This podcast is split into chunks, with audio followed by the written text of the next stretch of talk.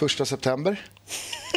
Och eh, när jag för tio minuter sedan eh, frågade dig hur du mådde så det enda du sa var Ja du. Ja, alltså... Jag vaknade i morse och kände bara... att Jag ville bara dra täcket över huvudet och skita i det här. Det blir så, det blir så tydligt, såna här dagar blir så tydligt att det här med supporterskap, liksom, det, är, det är till för folk som inte kan rå för, som inte rår för det. Det är liksom någonting man utsätter sig för. Fast man inte vill. Ja, typ. Alltså jag, du skulle väldigt enkelt kunna få mig att börja grina idag. Så att, eh, var gärna snäll. Eh, för er som eh, undrar här nu varför Elena låter som hon gör så ska vi säga det att det är Degerfors-Örebro senare i eh, dag. Och jag kan personligen tycka att det är lite tråkigt att vi inte delar upp det här avsnittet i lite så innan och efter. Men eh, på grund av en Spanienresa jag ska göra här nu så är det inte möjligt. Därför så får vi nöja oss med att eh, ta pulsen på det här nu innan matchen. Men det kanske, är, Ja. det kanske är ganska bra för jag känner att det är en lovande start i ditt eh, tonläge. Ja, jo. Vi kan ju spela in en del två när jag kommer hem ikväll om du vill. Men då är ju risken att jag är så vansinnig så att du inte ens vill vara i samma rum. Vi, eh, jag tror jag ska avvakta, jag tror jag ska avvakta resultat och, eh, och, och, och matchbild och så här. Ja. Men eh, jaha, hur, hur, hur mår man? Hur laddar man upp? Hur, vad tänker man på? Ehm, Försöker man tänka på det så lite som möjligt? Eller? eh? nej, men det, ju, det går ju inte att inte tänka på det. Eh, Jag, ehm, jag är ju fullständigt övertygad om att Örebro vinner, till att börja med. Och ba- tanken på att de där vidriga jävla ösk ska stå på Stora Valla och hoppa och vifta med sina flaggor och vara glada för att de har vunnit. Det, jag står inte ut med den tanken. Hur många eh, väntas komma? Ganska många. Det var, det var 9 000 på derbyt i våras i Örebro. Eh, nu tar inte Stora Valla 9 000 personer, så att det blir det ju inte. Men sist vi möttes var 2006, då var det 6 000 någonting. Eh, stora Valla tar 7 och 5 och nu är det ju... Jag tror att det här derbyt är lite hetare än vad det var då. Vi har ganska... Mm, ganska kort tid tillbaka eh, folk som har gått från Degerfors till Örebro och gjort folk upprörda och sådär. Jag tror att det blir mer idag. Ja, det skulle kunna bli fullt men någonstans mellan 6 och 7 000 skulle jag väl tro. Och det, nu vet jag att det är många i, i Stockholm som lyssnar på den här podcasten och då låter ju det som årets bottennapp i publiksiffra men vi har ett snitt på liksom runt 2 5 3 tusen någonting så det är vä- väldigt mycket, eh, väldigt mycket för oss. Man ju säga det, fullsatt är ju alltid fullsatt. Så är det. Det, är, det går aldrig att snacka bort att det Nej. var fullsatt. Nej. Eh, jaha, men det var det jag skulle fråga innan vi, eh, innan vi liksom startade igång avsnittet. Eh, om det här är en lika prestigeladdad match för eh, Örebro som det är för Degerfors. Mm. Är det det? Örebro sitter ju lite grann på lyxen att de kan hävda om de vinner så kan de köra den här ah, haha, vi vann derbyt och om de förlorar så kan de eh, säga att nej men ni bryr er ju mycket mer än vad vi gör. Alltså vi är ju ett mer utsatt läge än vad Örebro är så det är ju det är klart att det är tyngre för oss. Men är ni det? Men, ja, alltså... Tänker du i det större perspektivet eller tabellmässigt? I, ja, I det större perspektivet så, så, så är ju tillvaron svårare för Degerfors. Vi Mm. har mycket, mycket sämre förutsättningar eh, ekonomiskt och publikmässigt och allt, allt sånt där. För tabellmässigt så känns det som att Degerfors idag kan spela ganska avslappnat.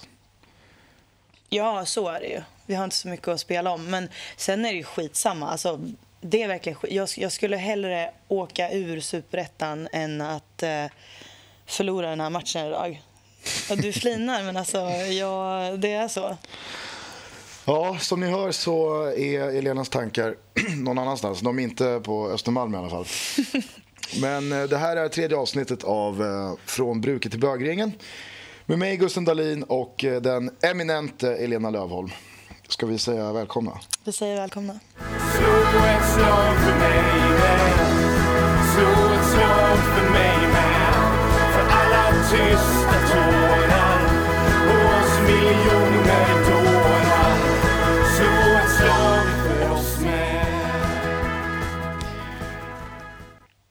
Du eh, var med i eh, 08 Fotboll i Ja, det var jag. Nu blir jag, nu blir jag lite gladare när du tar upp det här. För att det var otroligt roligt. Mm. Berätta. Jag, eh, jag eh, jobbar ju som redaktör för programmet. Mm. Programledde några, några stycken i, i somras, men eh, du gjorde det väldigt bra måste jag säga. Ja, tack. Mm. tack. Det, det var kul.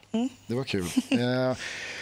Men eh, för ovanlighetens skull, för första, för första gången sedan jag började på fan-tv och på Dobb så var jag inte här en onsdag. Nej. Jag var i Paris. Och då var det ju olyckligt nog den onsdagen självklart då som jag hade bokat in dig som gäst. Och du Mm. Så skulle göra debut. Så du kan väl berätta. Jag, jag, har inte, jag har inte sett eller eh, hört så mycket. Jag kollade på programmet på en skakig lina.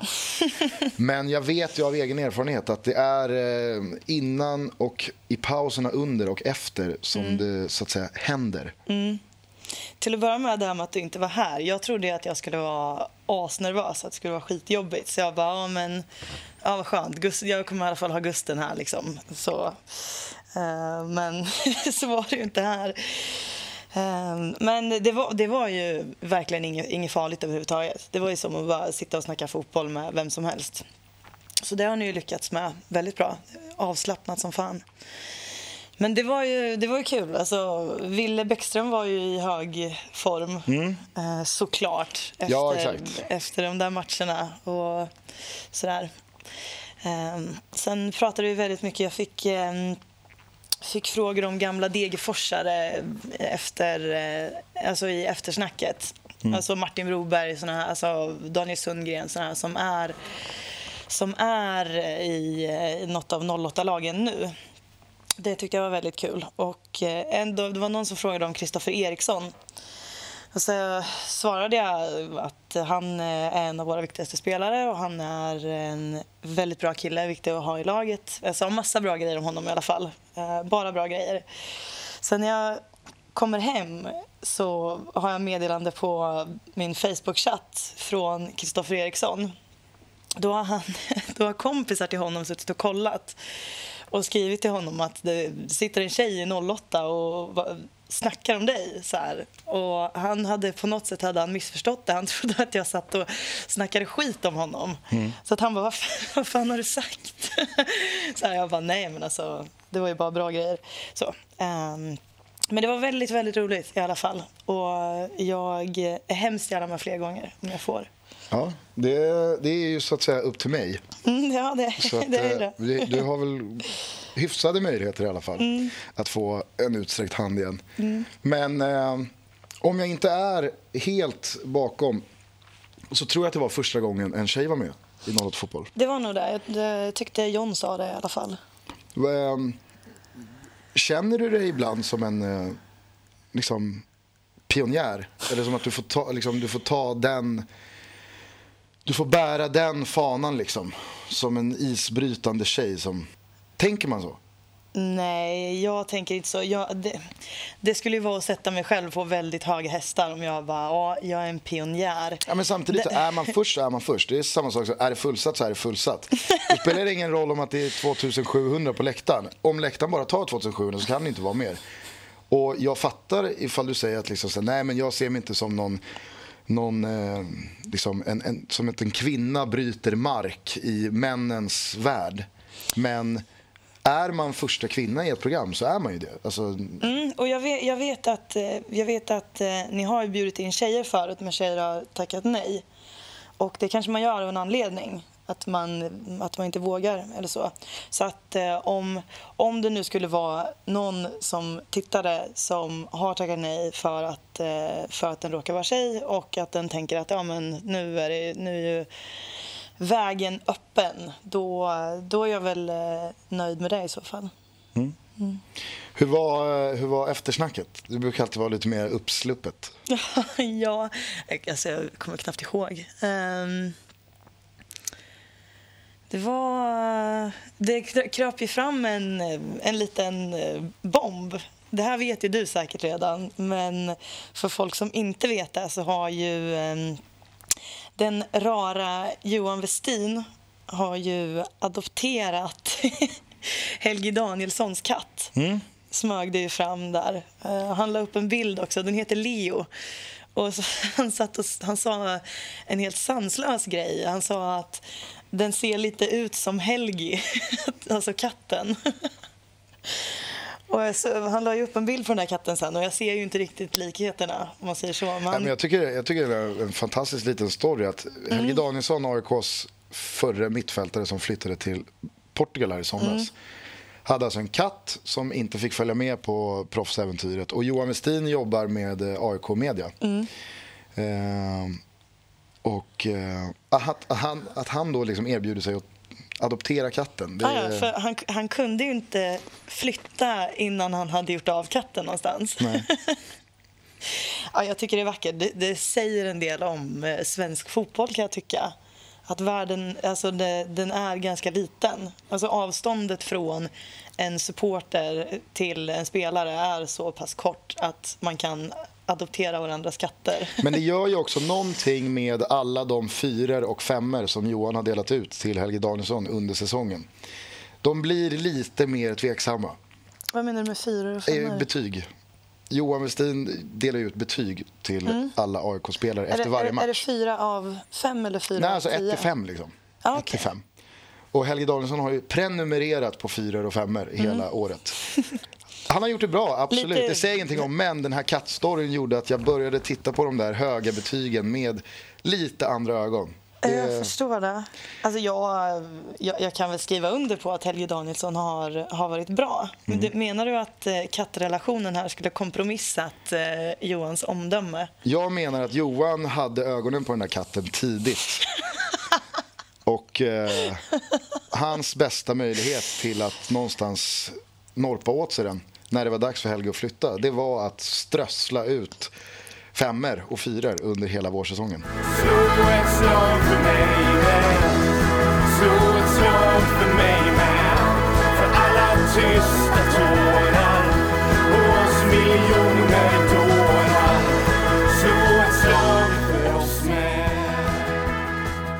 Ja, jag var ju och tittade på AIK igår. Mm. Det var en eh, det var en sån här härlig match eh, när eh, klacken liksom blir disträ för att det är så lugnt på planen. Ehm, det är så säkert att vi kommer ta det här. Så att de börjar liksom jävlas med varandra istället. De har ingenting, de har ingenting kvar att sjunga till, eh, till spelarna för de gör det de ska. Så att de börjar sjunga liksom Råsunda fetton och Fattiga norra och um, visa pattarna och allt vad det är liksom, som, de, som de sjunger till varandra. Jag tycker det är så härligt när det blir så där. Då tycker jag att de är som bäst. Eh, det kändes som att eh, Martin Mutumba spelade lite... Han, han rycktes med i den här stämningen. Det gjorde han. 3-0, han... några minuter kvar. Äh, jag, jag, jag, jag, kör nu bara. Jag kör bara. Han fick ju feeling och ja, hade verkligen. En, en liten enmansföreställning där. Och detta en dryg vecka efter att han har stått och sagt att han är en av allsvenskans tio sämsta spelare. Men jag Men det, det... Såg du intervjun med honom efteråt? Nu kapar, ja, nu halverade, har... Han halverade ju den siffran nu, igår. Mm. Ja, jo, men den nu, är, jag, nu är jag nog bland de fem sämsta. Jag såg ju också en, en intervju som just AIK Media gjorde med honom som är lite längre. Den är sju minuter lång ungefär. Mm. Har du mm. sett den?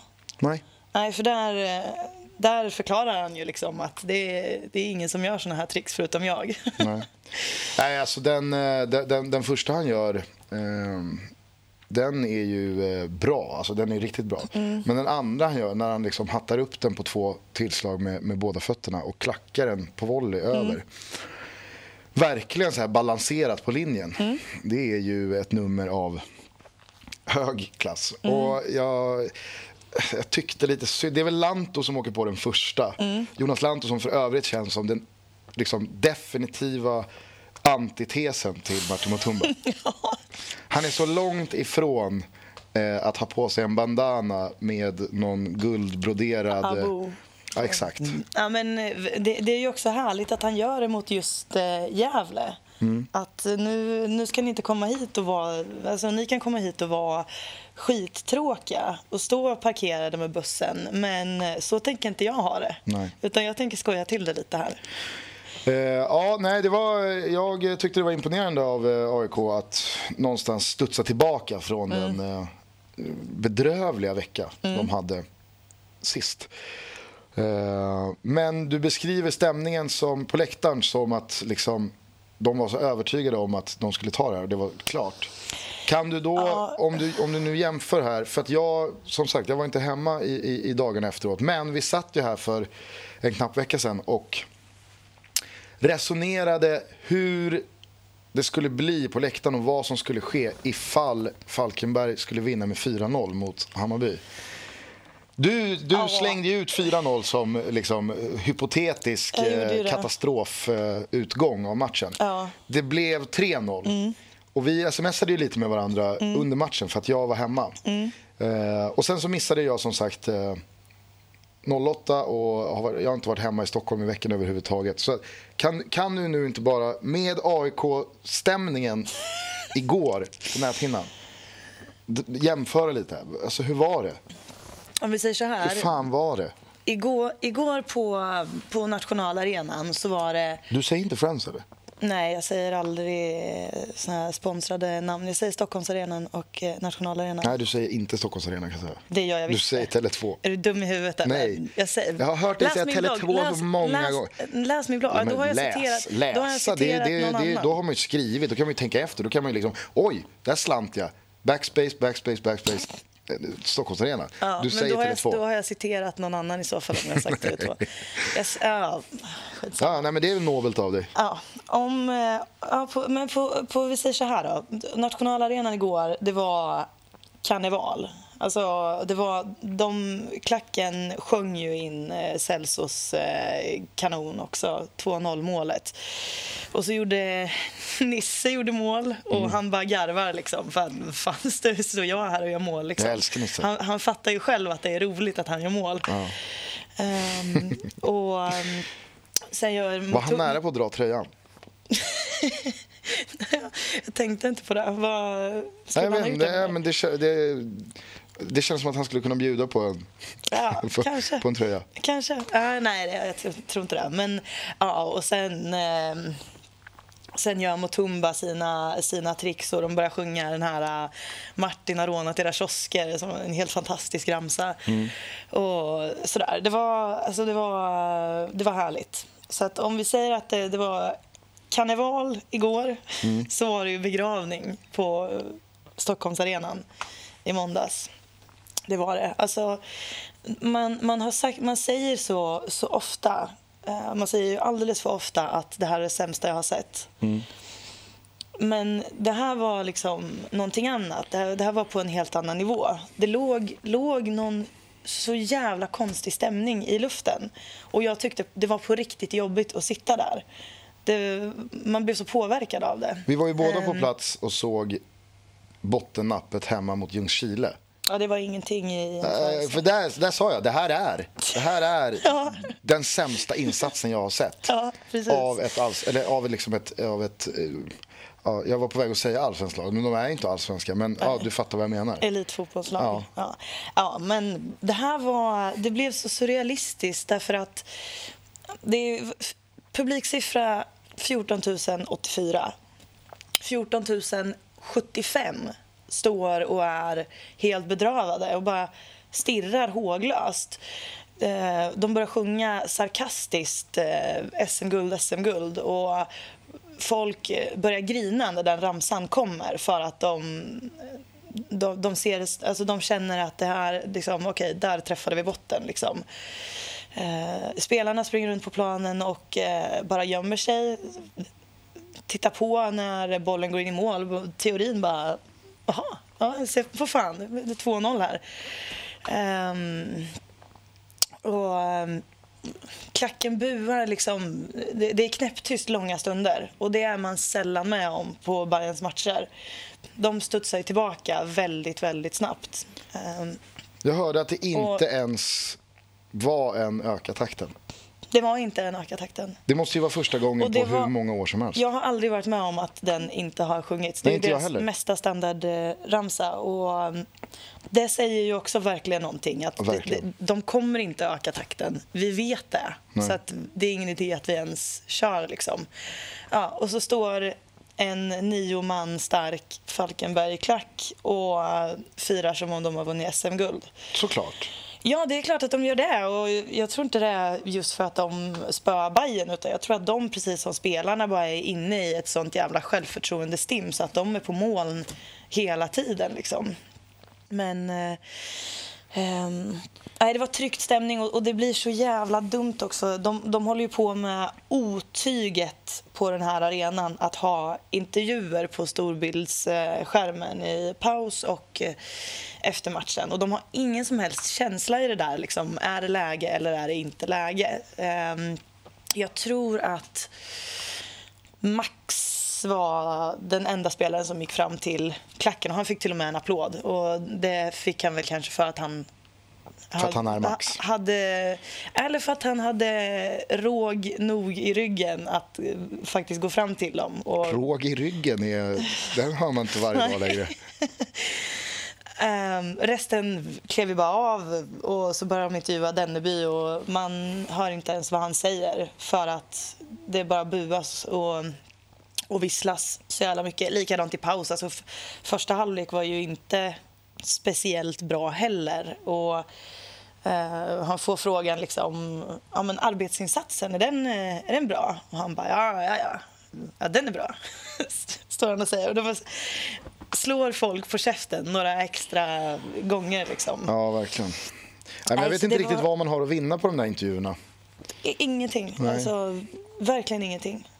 Men jag tänkte på det när jag hörde dig och andra och, och sådär prata om upplevelsen på läktaren. Mm. Att folk hade liksom börjat håna sig själva, nästan börjat skratta. Eh, Mm. De- åt att det var så miserabelt. Och då kommer jag att tänka på, vet du vem Louis CK är? Eh, Ståuppkomikern från USA. Ja, jag vet. Ja, jag vet Han har en serie som heter Louis och sen så gör han ja, mycket stand-up och sådär. Han har en av mina favoritrutiner med honom där han eh, pratar om att vara pank. Eh, och så säger han liksom så här att det är riktigt jobbigt att, vara, att inte ha några pengar. Att liksom vara pank. Men det är alltid betydligt jobbigare att ha väldigt lite pengar än att inte ha någonting alls. Och säger då liksom att vissa gånger så har jag haft så fruktansvärt lite pengar att det har bara blivit kul. Jag har, bara, jag har börjat garva. Banken har ringt och sagt vi kommer stänga av din telefon nu. Ja, visst, gör det, det är lugnt. För jag har inte en spänn. Jag kan, jag kan inte göra någonting åt det. Det är bara sta- ta elen också. Det är lugnt. Eh, och jag, jag började tänka på det där när jag liksom fick, höra om upplevelserna från läktaren under den här matchen. Att det blir verkligen en sån reaktion när du inte har, när du inte har någonting. Det är jobbigare att ha lite. Det är jobbigare att ha lite hopp kvar. Och, och någonstans liksom utsätta sig själv för den här liksom mentala terrorn att gå och hoppas. Det är jobbigare än att det är kört. Att det finns ingenting. Liksom. Och det, det var det jag tänkte. Och jag, alltså, förstår Det- du vad jag menar? Ja, det var ju upplevelsen. Jag är väldigt glad att du drar den här jämförelsen för att du ger mig en öppning att alldeles strax göra en väldigt snygg övergång till eh, en annan grej vi ska prata om. Mm. Men först ska jag bara säga det att jag har ju också jag har pratat med Hammarby-spelare eh, för inte så länge sedan som har verkligen bekräftat vilken ja, den bedrövliga stämningen som man misstänker att det, att det måste vara i Hammarby. För att, eh, jag, ska, jag ska inte säga vem det var, men han, han sa i alla fall rakt ut att alla är bara så jävla stressade och håller på och skäller ut varandra till höger och vänster hela tiden. Ehm, och jag tror att det är det, är väl ganska, det, det blir väl ganska talande och ännu mer påtagligt då när publiken står och buar och man vet inte, man vet inte vem man ska skylla det på. Liksom. Nej. Nej, men när reaktionen någonstans blir att man står och skrattar åt sig själva. Exakt. Då, då är det ju verkligen liksom... Det är ju det ultimata beviset på att det- finns liksom ingenting kvar. Nej.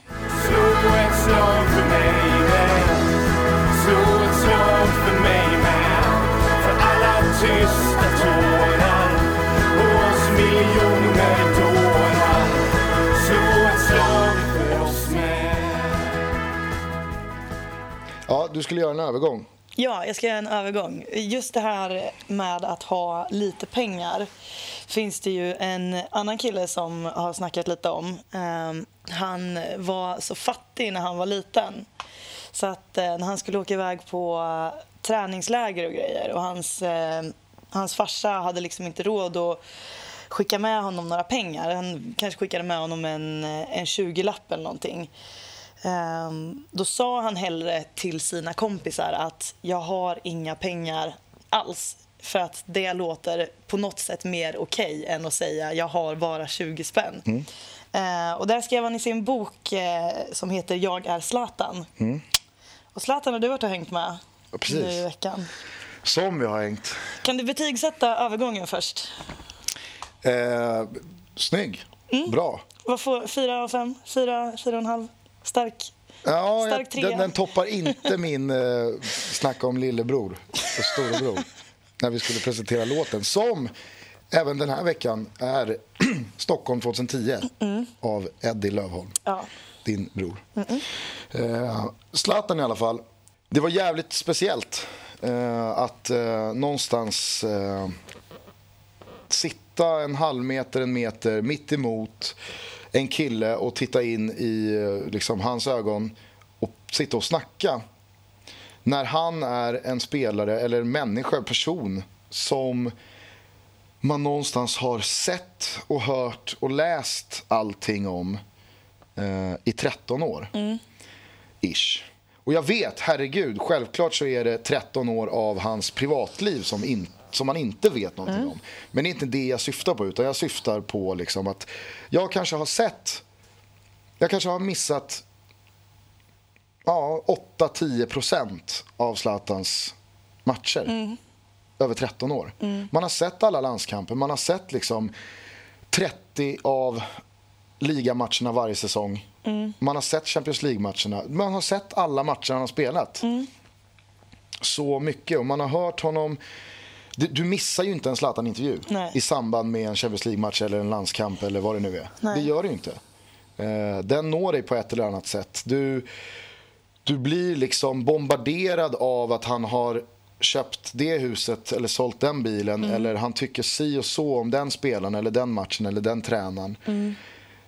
Du, du någonstans, eh, det känns som att jag har bättre koll på Mino Raiola, hans agent, än liksom många andra väsentliga personer i världshistorien. Eh, och så är det ju. Och då är det, bli, alltså, det blev väldigt surrealistiskt att sitta framför den här killen och snacka med varandra när man själv känner att jag har sett och läst och hört allting om dig i 13 år och du har inte en jävla aning om vem jag är. För det är något helt annat att sitta liksom eh, med eh, Bojan Djordjic eller eh, stå och snacka med Erik Sundin efter en Hammarby-match eller vad det nu kan vara. För där finns det liksom, där är det lite ömsesidigt. Det är klart man har koll på Bojan eller Erik Sundin. Mycket bättre än vad de har koll på mig, självklart. Men det är inte det här liksom Zlatan där du verkligen liksom, du vet allt. Fotbollsmässigt. Ja, ja. Zlatan har ju också någonting untouchable över sig Ja. som gör honom eh, svåråtkomlig och stor på något sätt som, som inte finns hos någon annan svensk fotbollsspelare. Jag skulle säga, jag var ju väldigt, väldigt tidig med eh, eh, liksom mitt, eh, mitt uppskattande av Zlatan. Två, 2000, eh, när eh, Malmö låg i Superettan, det var ju liksom, då, då fick jag upp ögonen för honom. Och verkligen liksom, jag älskade hans... Jag är ju annars en förespråkare av eh, liksom, jantelagen och eh, ödmjukhet. och laget före jaget och hela den här liksom, kollektiva kollektiva eh, atmosfären som jag tycker liksom, ett, ett fotbollslag ska handla om. Men han blev den här sköna liksom, brytpunkten. Eh, han blev någonting annat. Och det var, det var liksom kärlek vid första ögon, ögonkastet för att damma av den gamla klyschan när vi ändå har betat av råg i ryggen. eh, jag hette Zlatan Boy på Lunarstorm. Eh, det gjorde jag. Och jag hade eh, alla Zlatan-bilder jag kunde komma över via tidningar upptejpade i min, i min eh, skolbänk. Jag kanske gick i fyran eller nåt. Eh, och, så, och, och jag började liksom tänka på de här grejerna två, tre, fyra minuter innan vi skulle få tid med honom. Eh, och då började det bli liksom, för jag var inte speciellt nervös. Jag var inte liksom, jag är ganska bra på att inte stressa upp mig. Men när man började tänka på de grejerna ofrivilligt, då började man fatta att liksom, ja, det, det är, han är fan en ganska big deal. Eh, men det, var, det gick jättebra. Han var jättetrevlig och det kändes som att han var på bra humör. Och eh, som tur var så var det inte liksom eh, 15-20 separata korta intervjuer han skulle göra. Utan det var med oss och så med Café och eh, ett danskt team som kom från Unisport. Så att han, det var bara tre stycken medier som hade fått individuell tid med honom och däribland vi. Så att, eh, jag tyckte att han, jag, eller, det kändes som att han tyckte det var kul att snacka lite svenska, prata om något annat än den här skon som hela eventet eh, kretsade Ja. kring. Eh, så att, eh, nej, det var, det var det var häftigt. Det var jävligt eh, kul. Du eh, la ju upp en bild på Twitter Mm. på dig och Zlatan. Och eh, jag noterade ju då ditt val av eh, kläder den här dagen. Alltså, Ja. du, har, du har ju en t-shirt på dig med eh, Notorious B.I.G. på. Ehm, och jag bara undrar, jag bara funderar lite grann på vad du tänker när du... Här, nu, jag heter Gusten, jag går upp nu på morgonen här och ska träffa Zlatan och eh, ska ta på mina kläder. Ja, jag tar den här, jag tar Biggie-tröjan. Vad- Det känns som att det ligger någonting i att du valde den t-shirten. Eh, jag förstår, jag förstår. Eh, absolut, och eh, det gör väl det. Eh, det ska väl dock sägas att eh, jag var i... Liksom, jag, jag bodde där och då på ett hotell i Paris. Så att jag hade ju inte hela min garderob med mig att välja mellan. Min, alltså, Jag hade min, åkt helt utan garderob för jag var i Göteborg innan jag åkte till Paris och då hade jag aktivt valt att inte packa någonting, alltså inga, inga kalsonger eller strumpor eller någonting. För att jag, hade inte, jag har inte tvättat på sex veckor, jag har fortfarande inte tvättat.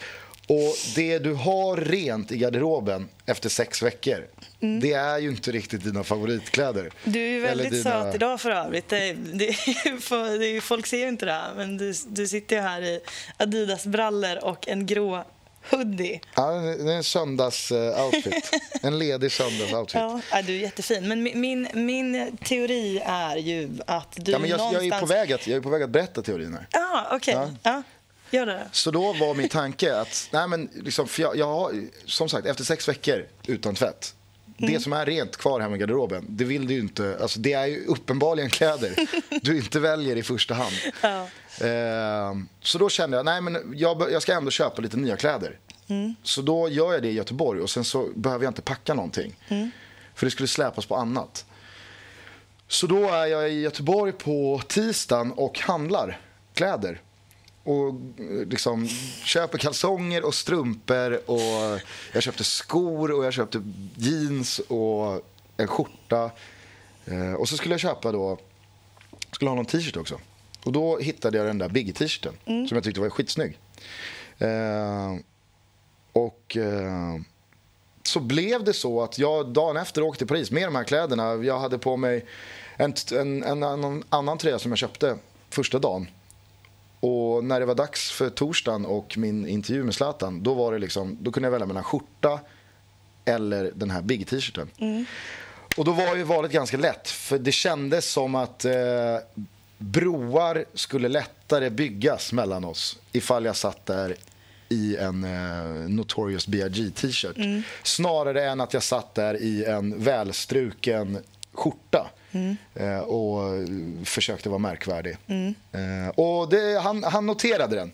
Äh, det kan jag säga. det? Ja, han, eh, det är en t-shirt som är nio småbilder i en stor kvadratisk form. Och så står det bara B.I.G. längst ner.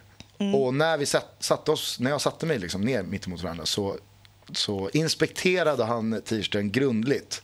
Och sen så tittade han upp mot mig och så nickade han långsamt och log och Nickade han så här approvande? Så här? Ja. Ja.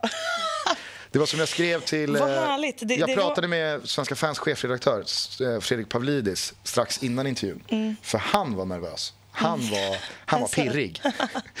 eh, så då sa jag att jag hade på mig en Biggie-t-shirt och Mm. jag tror att den skulle liksom eh, ganska lätt riva murar av eventuell eh, liksom anspänning mellan mig och Mm. Zlatan. Vilket den gjorde. Så att, eh, jag skickade faktiskt ett sms till Pavlidis direkt efter intervjun att den fick Big Zeds seal of approval. Men du gjorde alltså en intervju med Zlatan och då eh, antar jag att den eh, hamnar på fan-tv? Den eh, publiceras i, i imorgon. Så att när det här är ute, det här avsnittet, så har den legat här par dagar. Jag ska säga en eh, annan kul grej från Paris. Vi eh, åkte ju som sagt ner onsdag morgon och hade onsdag eftermiddag ganska ledigt. Eh, så då bestämde mig jag och Nors för att åka till Parc des Princes, PSGs hemmaarena och eh, bara liksom göra ett reportage till Eurotalk. Vilket hade varit tjänstefel av oss att inte göra när vi ändå är där och vi har en kamera och vi har ett par timmar över och sådär.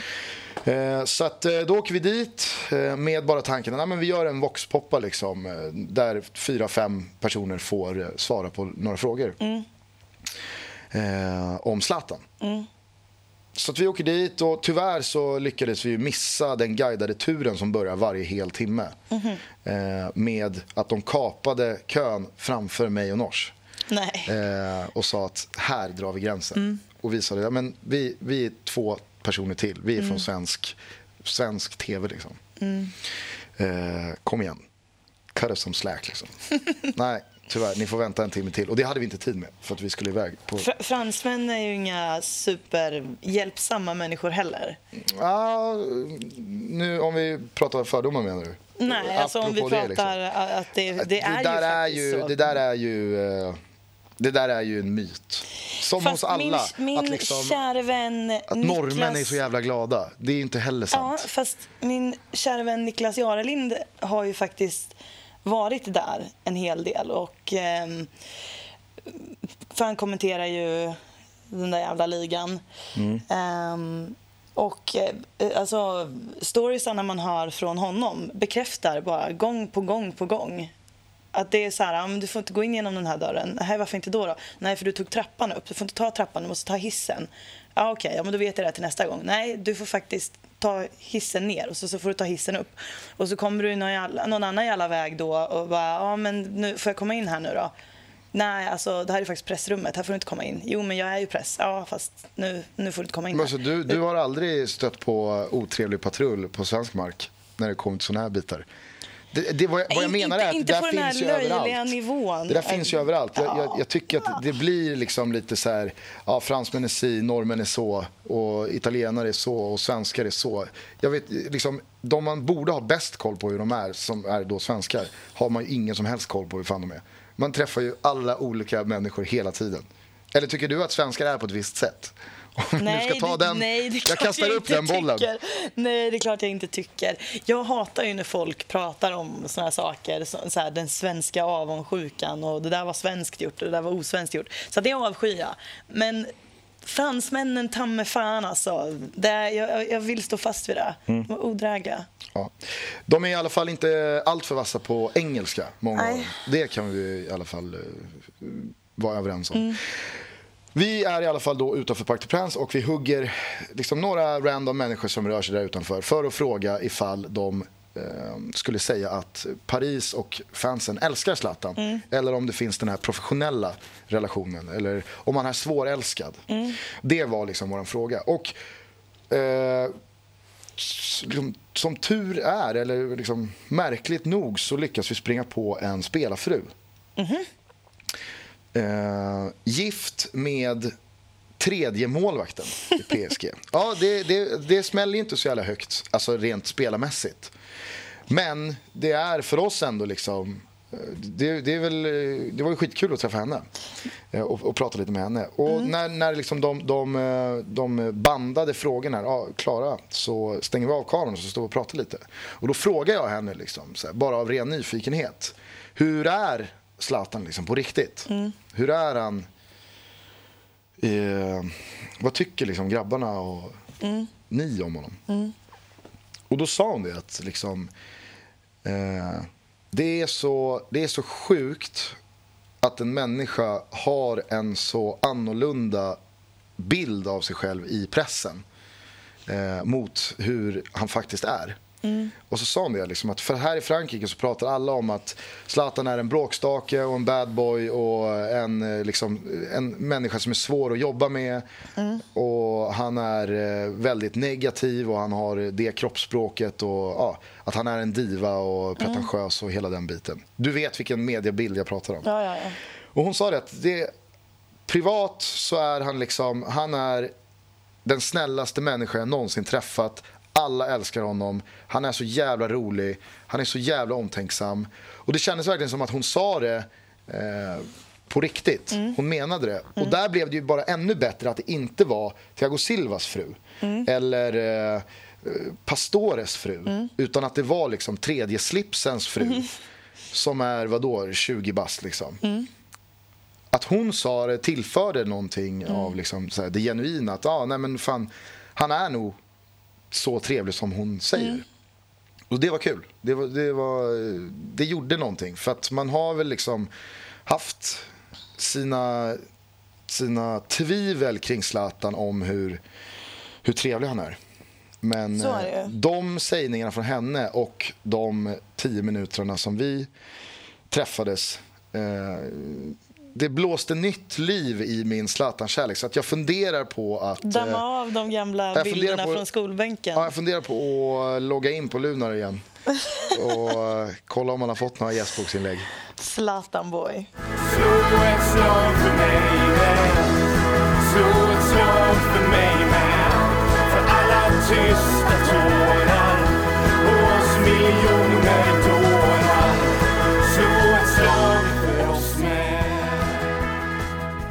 Ja, jag tänkte, jag tänkte ta en... Eh, ja, jag, jag vet inte alltså. Det är ju så jävla minerad mark så det inte finns. Samtidigt så... Åh. Säg det. Nej, men eh, Miko. Albornoz. Jag tänkte också, alltså, jag tänkte också att jag ville prata om det. Eh, och så kände jag så här... eh, Man vill ju inte prata om det. Nej, men jag orkar inte, men nu får vi ju göra det eftersom att vi båda har tänkt på det. Tänker du också på eh, Ja, men alltså, här... varför, varför det är aktuellt är ju det här som hände i fredags. Ja. Mm. Helsingborg spelar hemma mot BP. Eh, Mikos storebrorsa Marre, som jag bara för övrigt skulle vilja säga är Inte... det, nej, men det, är en av de, det, är en av de, eh, det är en av de eh, mest positiva spelarna i årets allsvenska. Mm. Eh, utan tvivel. Jag tycker Marre har gjort en fantastiskt bra Mm. säsong. Skitduktig. Eh, Helsingborg möter eh, BP Mm. och eh, Marre har väl eh, lagt undan några plåtar eller någonting eh, till Miko och Jiloan Hamad Mm. som sitter på VIP-läktaren och tittar på matchen. Och ganska så omgående så börjar ju Helsingborgs supportrar att skandera diverse saker. Och det slutar väl i dödshot och poliseskort. Och det är därför frågan har aktualiserats igen. Så ja, jag vet inte. Säg någonting du. Alltså nu, nu är jag rädd att du ska säga grejer som jag inte gillar här. Därför att det jag, jag, upp, jag satt faktiskt och kollade på den matchen och eh, jag hörde att de sjöng den här ramsan, eh, Hallå pedofilen eh, och de där. Och jag fattade liksom inte varför, men jag, jag, jag tänkte ju först då att ja, de kanske sjunger det för att hans brorsa spelar. Det, jag, jag gjorde inte kopplingen att Miko själv kanske var där. Eh, Men jag tyckte det var jättekonstigt. Jag bara, de kanske bara sjunger det här för att de tycker det är kul. För att ja, Man kanske kan sjunga den när som helst nu helt plötsligt. Eller, eller så gör de det för att hans brorsa spelar. Och eh, Det är ju konstigt. Men i alla fall så visade det sig i alla fall för att eh, Robert Laul skrev ju det i sin blogg att det hade kommit fram någon kille och skrikit typ eh, “Tjena pedofilen, vad gör du på våran arena?” Och Hamad hade väl försökt att eh, så här, “Men du, dra härifrån” och så hade de inte gjort det och sen efter det så hade de väl börjat sjunga tror jag. Men eh, det Robert Laul gör i sin blogg det är att han skriver, ett, han skriver en text där han någonstans ändå förminskar det Miko har gjort. Han skriver att eh, hon var 14 och ett halvt. Han skriver att det var inget våld inblandat, hon var med på det. Alla de här sakerna som man förväntas tycka göra saken okej. Som om det inte är... Alltså, som om det är första gången det här händer. Som om det här inte är en del av en eh, maktstruktur mellan män och kvinnor. Som om man bara kan skoja bort det på eh, detaljer, omständigheter. Liksom. Och jag blir så jävla trött på det. Man, man kan inte prata om det på det sättet. Därför det är ingen, det är ingen slump att, att det här hände. Men på vilket sätt ska man prata om det då? Menar du? Alltså man ska ju... Man ska ju vara lite mer medveten. Alltså man måste veta lite grann vad, vad det är man pratar om. Man pratar om en, en fotbollsspelare som förmodligen är... Eh, han är väl coolast i stan i Malmö. Liksom. Han är en idol för många. Och han utnyttjar det eh, för att eh, få ligga med en tjej som är 14 år. Och um, Det perspektivet måste man liksom se. Man kan inte bara så här, men han har ju tagit sitt straff nu och det, det, det var väl inte så jävla farligt. Han, hon eh, var ju nästan 15 år och bla bla bla. Eh, hela den grejen blir jag så förbannat trött på. Eh, och nu, nu kanske inte, Laul kanske inte menar exakt så som, som jag liksom känner att det blir när, när han skriver så. Men han måste förstå att det är så det uppfattas. Att varenda gång som någon gubbe, det är alltid gubbar också, så sitter och skriver såna här saker så blir det lite, lite mer... Du kallar alltså man- Robert Laul gubbe? Ja, men han blev, alltså, jag gillar honom i Han är Men, 40 bast. men han blev en gubbe när han skrev det här. Han spär på lite, lite mer att det är Miko det är synd om. Att det är synd om Miko. Att han är utsatt på något jävla sätt i den här situationen. Det är han inte alls det. Det är inte ett dugg synd om Miko Albonos. Och sen kan man prata om, det är en helt annan diskussion det här att, att ska han få spela i Malmö och så här, det är klart att han ska, det är hans jobb. Det är klart att han ska kunna göra det.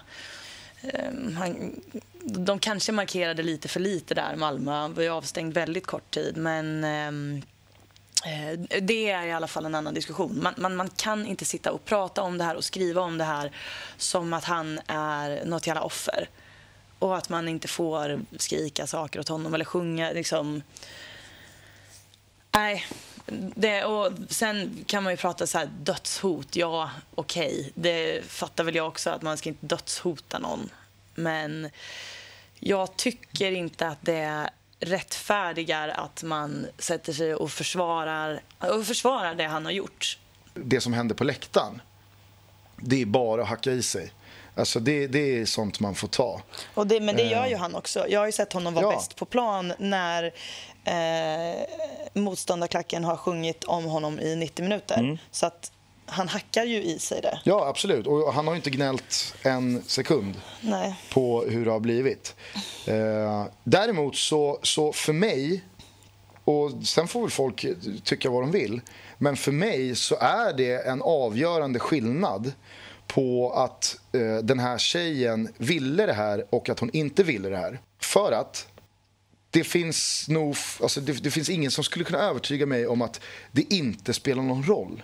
Det inte hade spelat någon roll. Det hade, varit liksom, det hade varit betydligt värre om det hade visat sig att liksom det här hade skett mot hennes vilja. Och ja, hon är 14. Ja, hon är under den åldern som dras som gräns för vad som är okej. Alltså är det inte okej. Och, och Det går inte att säga så mycket. Men det är, liksom, det är väl klart att det gör skillnad att en 14-årig människa vill någonting och att den inte vill någonting. Ja, jag vet inte. Jag, jag tycker att det är bedrövligt i alla fall. Eh, jag tycker inte att man någonstans eh, överhuvudtaget kan...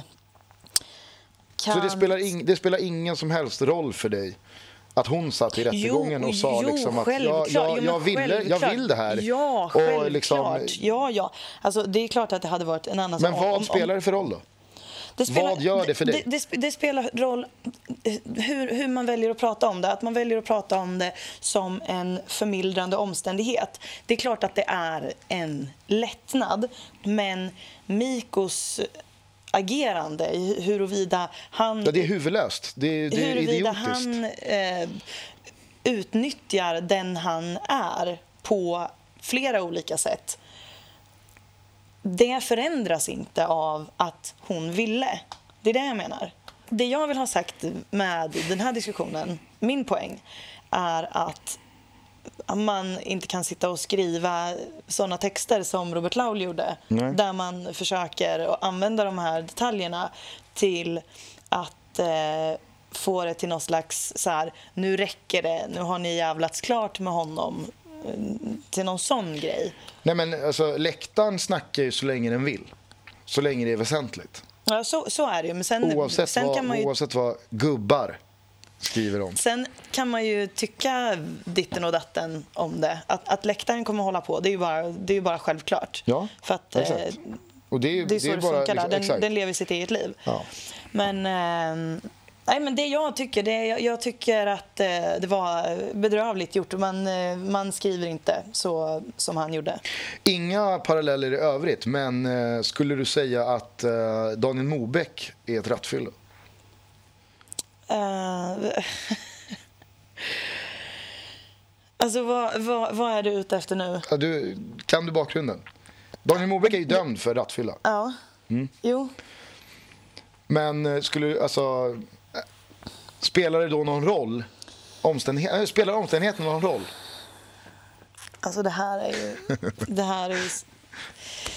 Jag har ju haft den här diskussionen eh, många gånger. Till exempel när, jag har, eh, när Alexander Gernt har varit på eh, tapeten också.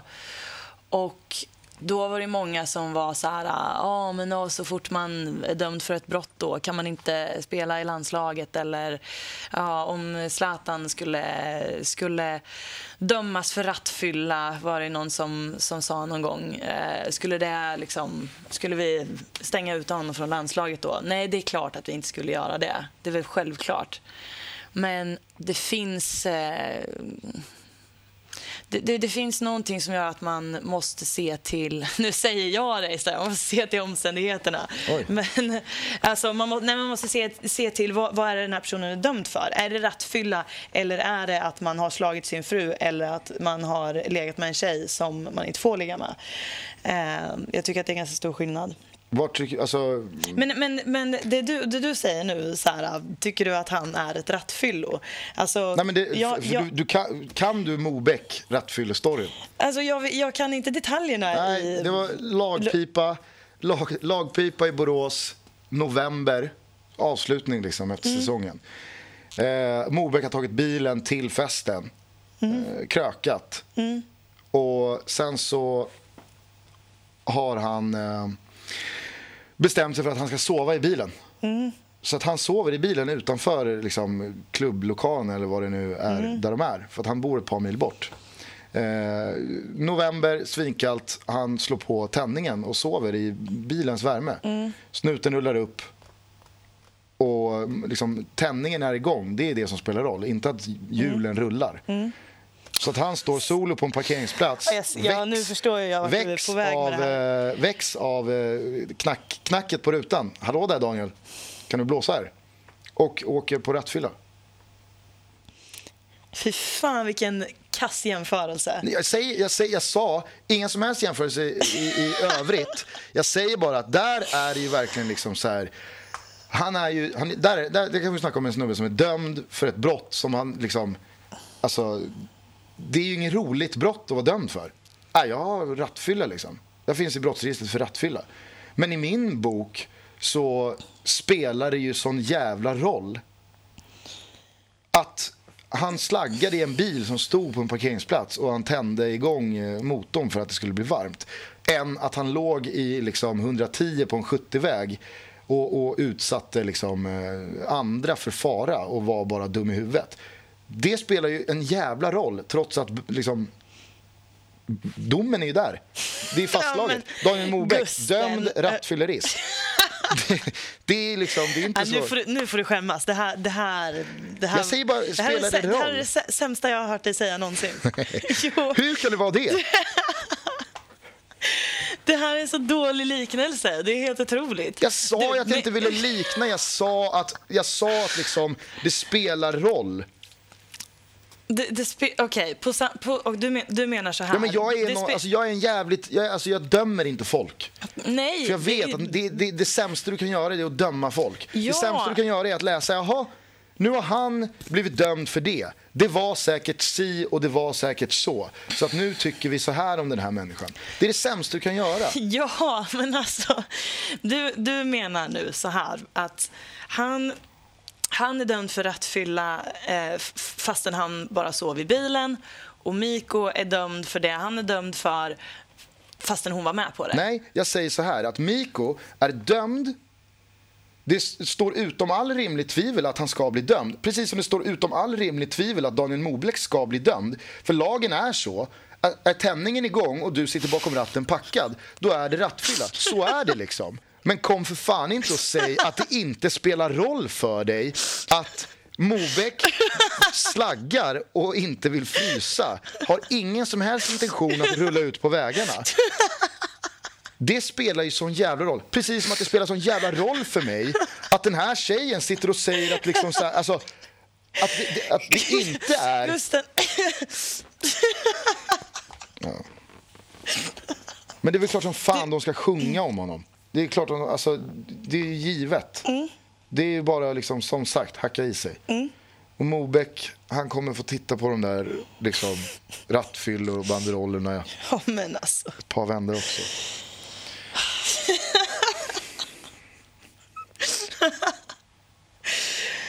Här dör podden. Slå ett slag för mig med Slå ett slag för mig med För alla tysta tårar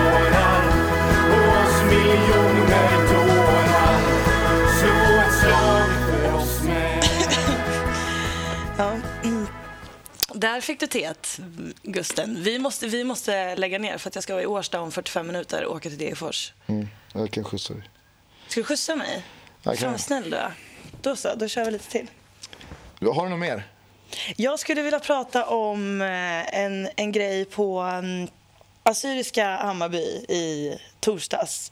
Och och eh, till att börja med så ska jag utse eh, polisen där till veckans ösk ska passa på. Eh, därför att de betedde sig i vanlig ordning riktigt bedrövligt och hade spärrat av någon jävla buss eh, när de kom dit. Det var polisavspärrningar runt bussen och de släppte inte ut folk. Och sen efteråt så har folk eh, berättat eh, ja, de sedvanliga horribla pepparspray-historierna. liksom. Det var något barn som blev pepparsprayat, fyra år gammal. Och Så, nej, det är fruktansvärt. Veckans ÖSK eh, Södertäljepolisen.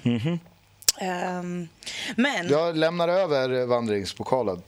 Den kommer. du, du är i härligt sällskap nu. Södertä- ja, det är jag och Södertäljepolisen. Härligt. Ehm, jo, men den här matchen, det var Hammarby vann och sådär, det vet ju alla redan. Men det, det, jag var med om en väldigt intressant eh, grej på... Jag älskar hur vi bara borstar bort att Bayern faktiskt vann. vi, vi ägnar tio minuter åt att prata om att det finns ingenting kvar Ja, det här nu. vet- det och vet sen ju så, alla. ja, ja, ja, men alla vet att Bayern, Bayern vann. Så. Jo, eh, jag var med om någonting väldigt intressant på läktaren. Jag satt ju på pressplats. Mm. Och eh, jag vet ju att du har ju några gånger träffat eh, Oskar Månsson Ja. på Sportbladet. Otroligt eh, duktig kille. trevlig som fan. Eh, Svårläst. Han är ju... eh, Alltså han, svår, eh, inte svårläst eh, journalistiskt. Jag tycker han skriver jättebra. Mm. Men han är svårläst ansiktsuttryck och sätt att prata med en. Man, Mm. Han- vet, man vet inte om han står och tänker jag hatar dig. han, det är precis det här ska... Eller inte precis det här, men typ. Han är ju väldigt sådär samlad Mm. hela tiden och lugn liksom. Skulle nog bli en bra pokerspelare. Och det var, det var en kontrasternas afton. Därför att jag, jag, jag sitter här på pressläktaren.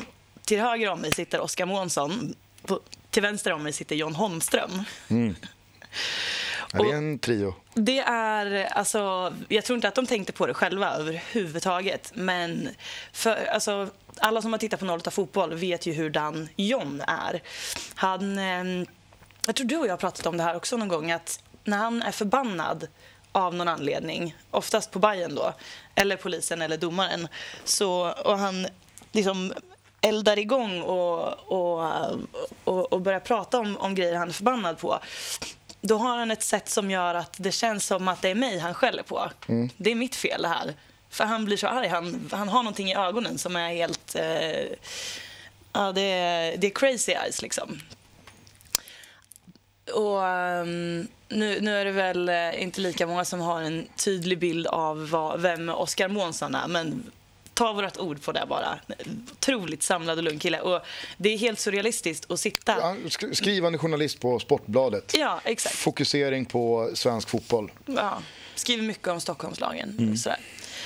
Ja, eh, det är helt overkligt att sitta mellan de två på en eh, Bayern-match i alla fall. För att du har du har John på vänster sida som när eh, Micke Runell blir utvisad man ska ju kunna bete sig lite också på pressläktaren. Man applåderar ju inte ens sådana där saker. Liksom. Ehm, han ställer sig upp och bara vrålar. Liksom. Ska jag försöka imitera John? Ja, jag gör det. Här. Okej, han ställer sig upp och han ställer sig upp och viftar. Nu, här. du- nu, får det ju, alltså, nu är det ju verkligen så långt ifrån värmländska du kan Ja, ja, komma. gud ja. ja men det han säger. Nu får han för fan ta och ge sig. Ta, ta, ta ifrån han korten i paus för fan. Jag måste säga att han låter Korv- inte så lack när du imiterar. Va? Du fick inte till den här, du fick inte till ilskan. Så. Nej, fan jag måste jobba på ilskan. Han... ehm, Försök, lite argare. Ja. Vänta, okej. Jag har fortfarande inte hämtat mig från skrattattacken där. Eh, men... Eh... Nu får han för fan ta och ge sig! Nej, det, Är det dåligt? ja, det, Ja, men i alla fall. Du, du kan se det här framför dig. ja, ja, Han är galen. Och så sitter liksom Månsson till höger och bara... Såg du vad det var där första gula han fick där? Renell var... Ja, det, och det här hände liksom flera gånger under matchen. Och det var, det var en kontrasternas afton. Jag förstår det. Mm. Men ge det ett tredje sista försök. Tredje gången gillt. Okej. Nu ska vi se.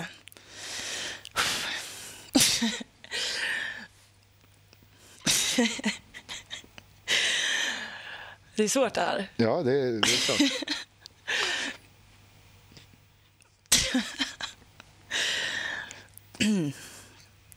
Nu får han för fan ta och ge sig! Slå ett slag för mig man Slå ett slag för mig med. För alla tysta